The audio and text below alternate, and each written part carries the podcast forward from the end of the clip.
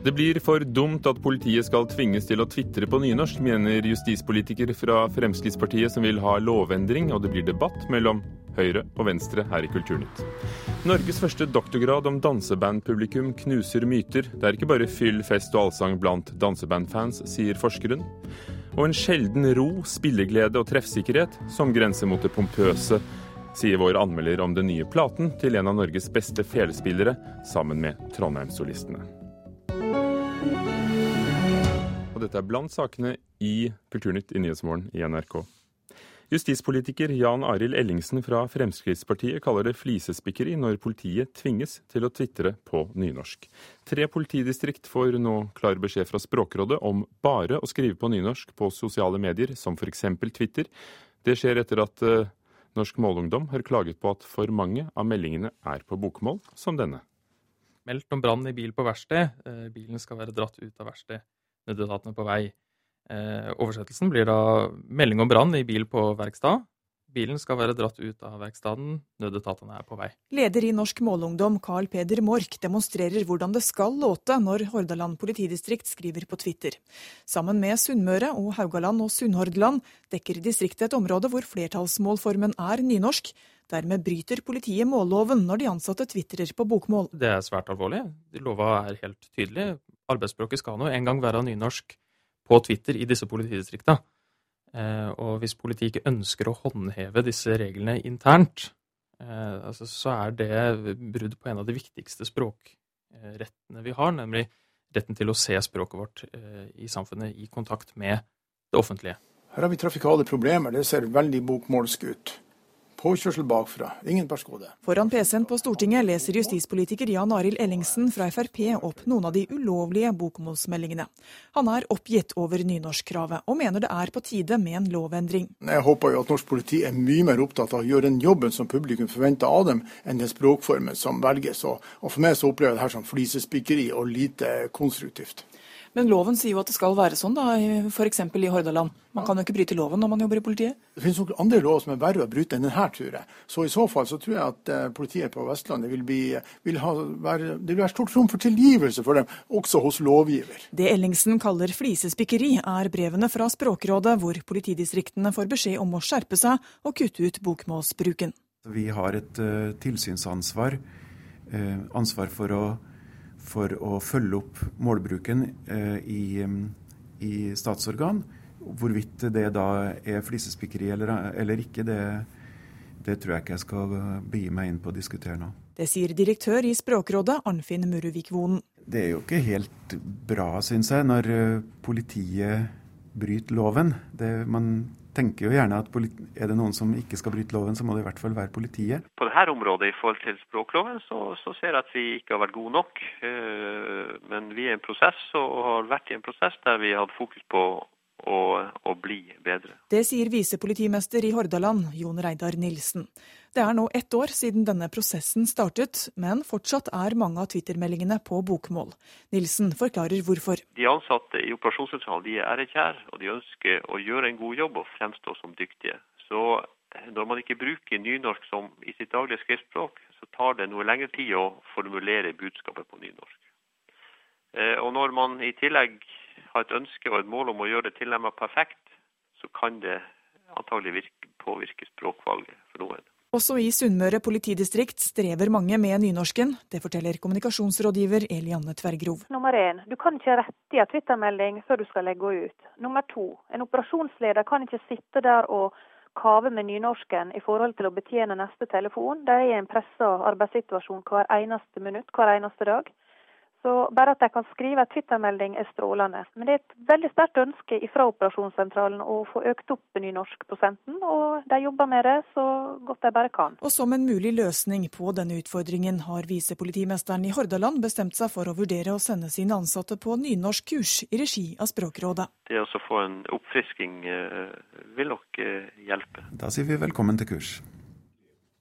Og denne velkomsten kom fra Språkrådets direktør Arnfinn Murevik Vonen, reporter Une Marvik Hagen. Kristian Tonning Riise, leder i Unge Høyre, hva synes du om at politiet i Hordaland eh, må på kurs for å bli flinkere til å skrive meldinger på sosiale medier på nynorsk? Nei, altså Jeg stiller jo litt spørsmål omkring ressursbruken her. Så la meg bare si det først, at jeg er jo helt enig i at politiet er kanskje de siste som burde klage. Og nå har ikke gjort det heller, når de får pålegg om om å følge reglene. Men jeg er nok enig i at jeg syns dette blir litt eh, flisespikkeri. Og jeg stusser jo litt, og kanskje ler litt også, hvis det er liksom sånn at dette har blitt liksom språkkampen da i 2014. Hvis dette liksom er, er eh, mållagets kamp for å få flere til å bruke nynorsk, eh, og tvinge liksom politiet til å skrive Twitter-meldinger på nynorsk, så, så, kan man jo lure på om det er en sånn siste krampetrekning. Jeg håper jo ikke at det er det, men uh, jeg syns nok at dette blir uh, å ta det litt langt. Sveinung Rotevatn, stortingsrepresentant for eh, Venstre. Bør hensynet til målloven komme foran hensynet til å få politimeldingene fort ut til eh, folk? Nei, det bør den for så vidt ikke. Men dette er jo ikke snakk om politimeldinger. Det er ikke engang snakk om den jobben politiet egentlig har. Um, og For å ta dette med Twitter-bruken til politiet. Uh, jeg har fulgt litt med på disse Twitter-kontoene til ulike politidistrikt. og Én ting er noe målform de bruker. Men eh, jeg må si at eh, jeg blir litt flau når jeg ser en del av disse Twitter-meldingene der en forsøker seg med sånn halvmorsomme vitser og gjør seg morsomme på svake gruppers bekostning, rusavhengige f.eks. Så jeg eh, vil nok oppfordre politiet til å først og fremst gjøre jobben sin, som er å forebygge og etterforske kriminalitet, og ikke være på sosiale medier hele tida. Det er kanskje en annen debatt. Her er debatten i den grad de uh, henvender ja, seg til publikum, og hvor de velger å gjøre det, uh, så skal de følge målloven. Er dette bare en ren administrativ affære, de må gjøre det ifølge målloven, eller er det en kamp om nynorsk og bokmål? Mållova eh, fyller en del viktige funksjoner i vårt samfunn. Den viktigste er kanskje de demokratiske rettene til alle borgere. Og En av de rettene er å kunne kommunisere med forvaltninga på si egen målform. Og Det er et prinsipp som vi har lagt til grunn i Norge lenge, som jeg er stor tilhenger av. Nemlig at det er forvaltninga og byråkratene som skal rette seg etter borgeren, og ikke omvendt. Og I Norge så er det slik at du har rett til å bruke den målforma som faller deg nærmest, det være seg nynorsk eller bokmål. Og når du da skal ha kommunikasjon med offentlig forvaltning, så kommuniserer de med deg på den målforma. Det syns jeg er en fin demokratisk rettighet vi skal ta vare på i Norge. Og det prinsippet om at det er forvaltninga som skal innrette seg, og ikke den enkelte borger, det syns jeg også vi skal ta vare på. Og det bør vel også gjelde politiet? La meg først si at Jeg er helt enig med Sveinung at det ikke er politiets uh, jobb å være kul på sosiale medier. Men så er det jo helt, er nok helt riktig at det er liten tvil om at uh, lov om uh, målbruk i offentlig tjeneste også gjelder for, for politiet i den sammenhengen her. Så de som sier at at dette er noe politiet egentlig skal gjøre, sånn som det er i dag, har nok helt rett. Hvis vi ser på litt hva som er konsekvensen av dette, og som, ellers kan være mulige konsekvenser. Nå jo, sier jo mange at de kommer til å tvitre mindre når de, får dette pålegget. Jeg så at når Sunnmøre politidistrikt begynte å tvitre, så var det første pålegget de fikk, var at her var det altfor mye skrivefeil. Det er jo kanskje ikke så rart, når eh, jeg ville tro at nynorsk ikke har vært liksom, kjernekompetansen som man, eh, som man lærer politiet akkurat. Og når man nå i tillegg skal begynne å sende politiet på, på nynorskkurs for å håndtere tvitringen, så vil jo jeg si at eh, da begynner det kanskje å bli såpass mye støy rundt dette at kanskje det hadde vært bedre om politiet sluttet med tvitringen som sådan. Eh, og da kan man jo spørre er det riktig effekt, eller er det kanskje, har man da kanskje dratt flisespikkeriet litt for langt, da, hvis det blir konsekvensen. Ja, Er det flisespikkeri at uh, offentlige tjenestemenn skal bruke, følge målloven og henvende seg til publikum på den måten de har rett til? Jeg skjønner at en del kan oppfatte det som det når det gjelder akkurat Twitter, for her snakker vi et ganske marginalt fenomen i en politimann sin tjeneste. Men uh, prinsippet syns jeg er viktig. Eh, og Det handler jo om at eh, dersom du f.eks. jobber i forvaltninga i eh, Sogn og Fjordane, der 99% bruker nynorsk, så er det helt naturlig at du henvender deg til befolkninga på den målforma. På samme måte som det er helt naturlig at du nytter bokmål dersom du jobber i Vestfold f.eks. Og det bør ikke være så veldig krevende.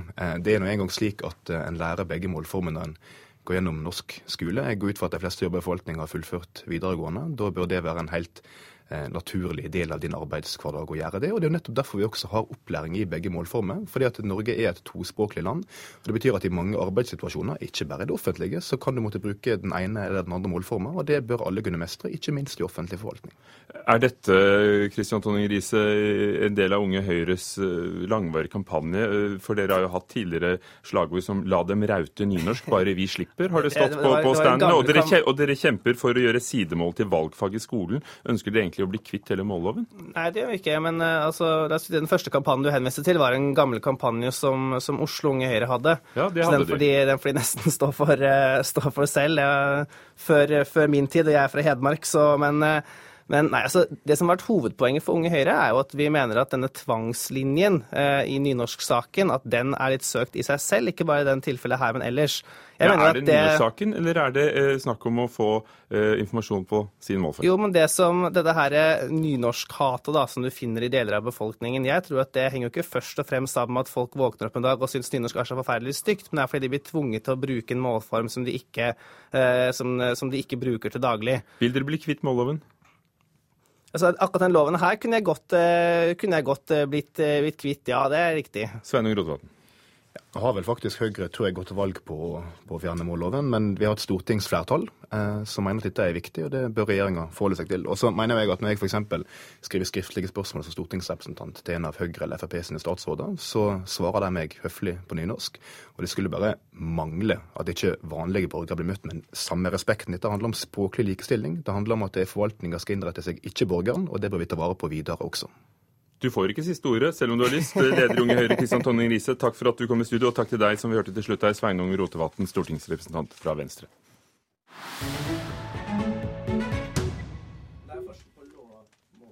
He counts down to zero.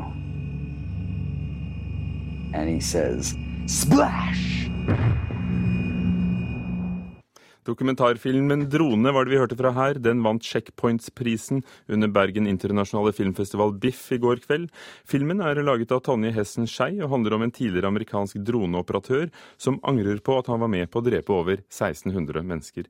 Liv Tønnesen ved Christian Michelsens institutt sitter i juryen som kåret 'Drone' til årets beste dokumentar. Viser eh, ikke bare perspektivet til, eh, til dronepilotene, men viser også hva slags samfunnsmessige effekter dette har på eh, innbyggere i Pakistan.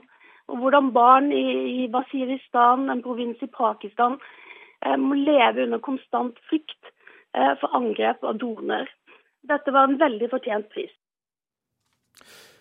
Sa Liv Tønnesen ved Christian Michelsens institutt.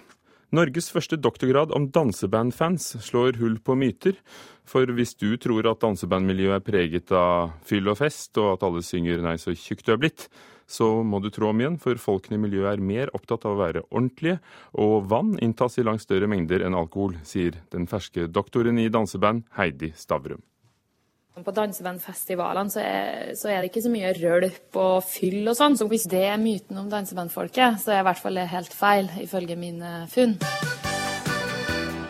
Tre somre har Heidi Stavrum tilbrakt på dansebandfestivaler. Hun ville finne ut hvem disse folka er, og hva som preger miljøet. Og ble overraska over funn hun gjorde til doktorgraden sin. Det som kanskje overraska meg litt, det var at det var såpass eh, anstendig og ordentlig som det var. da. Har jo egen pose òg. Fra posen drar Geir Bråten fra Elverum opp danseskoa sine. Det var i Malung, vet du, så kjøpte vi da.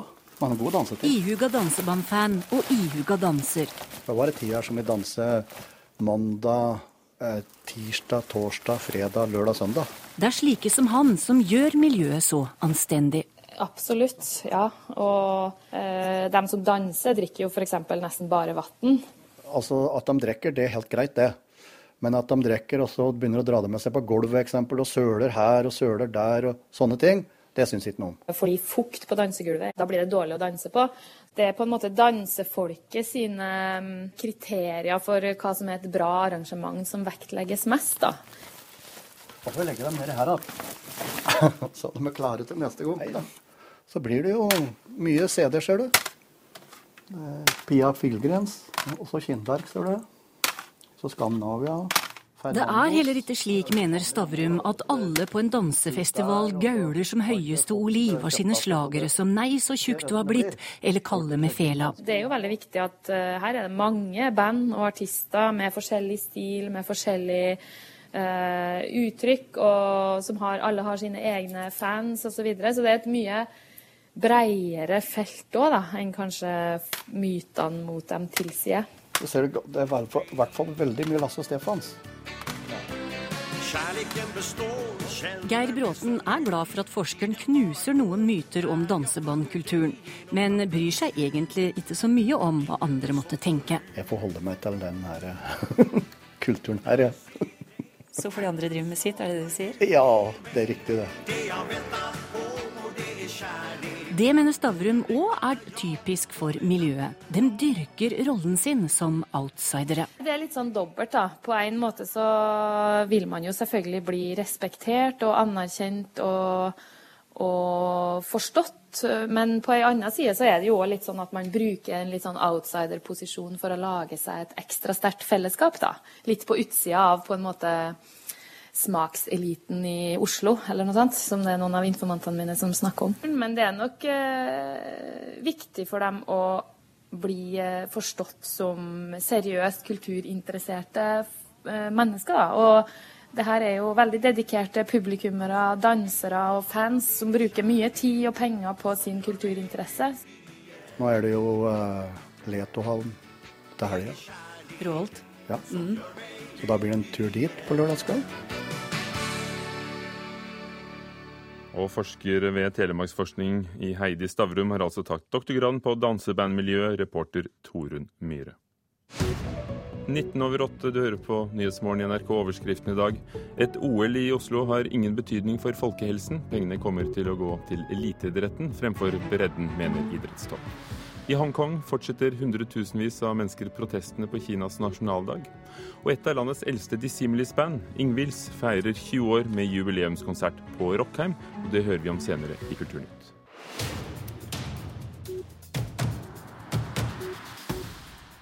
Kronprinsparet får kritikk fordi de ønsker å rive en låve på Skaugum. Det skriver Nasjonen. Den såkalte rødlåven er én av ni bygninger som kronprinsparet i sommer søkte om å få rive. Selv om Riksantikvaren har godkjent rivingen, insisterer lokale krefter på at låven må få stå, fordi den er oppført i Asker kommunes kulturminneregister som høyst verneverdig. Slottet vil ikke uttale seg om saken. Norske aviser mistet reklameinntekter for over en halv milliard kroner i fjor. Det største fallet kom i de store dagsavisene, som mistet 6,5% av annonseinntektene sine, skriver Dagens Næringsliv. Men ifølge Institutt for reklame- og mediestatistikk er bunnen langt fra nådd. Det tror at reklameinntektene på papir kan falle med 750 millioner kroner til i år. Likevel er bransjen mer lønnsom enn før, fordi avisene har kuttet i utgiftene. I 20 år har rock- og popbandet Ingvilds fra Sandnessjøen holdt sammen. De Similis-bandet er kjent for å trekke fulle hus. I går kveld ble en stor drøm oppfylt, da de for første gang fikk spille på Rockheim i Trondheim. Der har vi Tony Eriksen! Hoho! Ja. En begeistra gjeng på fem kommer inn i lokalene på Rockheim. På den svarte stenen er det rigga til, og lydprøvene kan starte. Uh. Nei, jeg skal ta uten opp dem. Stein Ivar. Ja, Skal vi prøve nå, eller? Ja, vi bare sette i gang, det, så Bandet Ingvild ser nå ut på jubileumsturné. De har holdt sammen i 20 år med samme besetning. Og for bandmedlemmene er det stort å få spille på Rockheim. For her har så mange kjendiser vært før dem. Meget, meget artig å tenke sånn. Hvorfor tror du Ingvild har holdt ut så lenge som 20 år? Nei, vi, vi, vi er i bandet Ingvild er populære, så det er helt sant. Det sier Gøran Staulen, trommis og vokalist. Ja, livet er herlig. Tidligere har bandet fra Sandnessjøen deltatt på festspillene i Nord-Norge, opptrådt på Trænafestivalen der de delte plakat med Madrugada, spilt i Sverige og på Hurtigruta. Altså, I 20 år så har de aldri skuffa en øvelse. De kommer. Uansett vær så kommer de på øvelse. Så det betyr jo mye for dem, akkurat denne spillingen. Det, det gjør det. Det sier Tor Eriksen, instruktør i Ingvilds og gitarist. Bandet er tilknytta Dissimilis. Det er en organisasjon som tilrettelegger for kulturelle fritidsaktiviteter for mennesker med utviklingshemming. Ingvilds spiller etter fargemetoden, der noter leses som farger. Du, eh, Tor. Ja. Slå på lyset. Om et lite øyeblikk skal jeg gjøre det. Tor Eriksen, han er så treg. Nei. Ja, det er lys, så hvis du ser når det er trykk her med foten på det her brettet, så lyser det borte på uh, synten til han. Og da kan han se når det er skifte her, så ser han hvor han skal trykke på tangenten. Ja, resten da, de, de spiller et er kreativ opplæring gjennom 20 år, så de spiller. De, de har ikke noe lys, som de ser på. Jeg tror det er få som kan nota i dette bandet.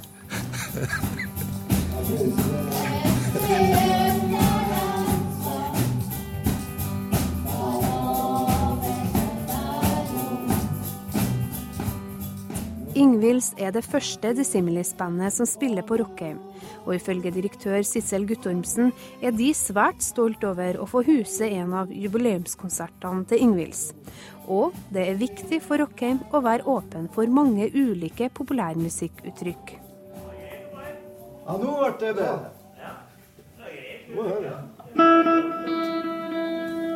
Hvilke sanger spiller dere, da? Det husker jeg ikke. Det sier vokalist Ingvild Eilertsen, men når hun får mikrofon i hånda og litt starthjelp, sitter samtlige tekster som et skudd.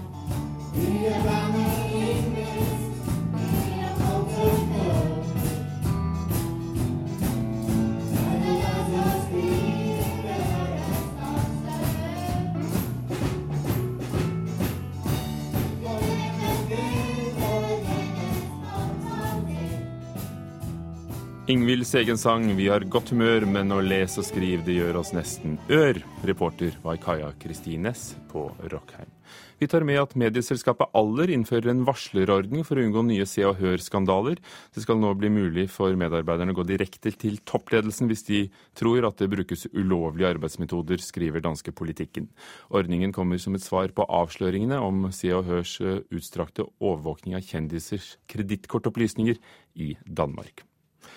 I Kulturnytt i dag har vi hørt at Språkrådet pålegger politiet å skrive på nynorsk i flere politidistrikter.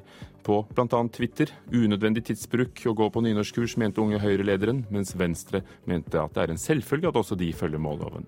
Hilde Tosterud, Lars Ivar Nordahl og Ugo Fermariello sto for Kulturnytt.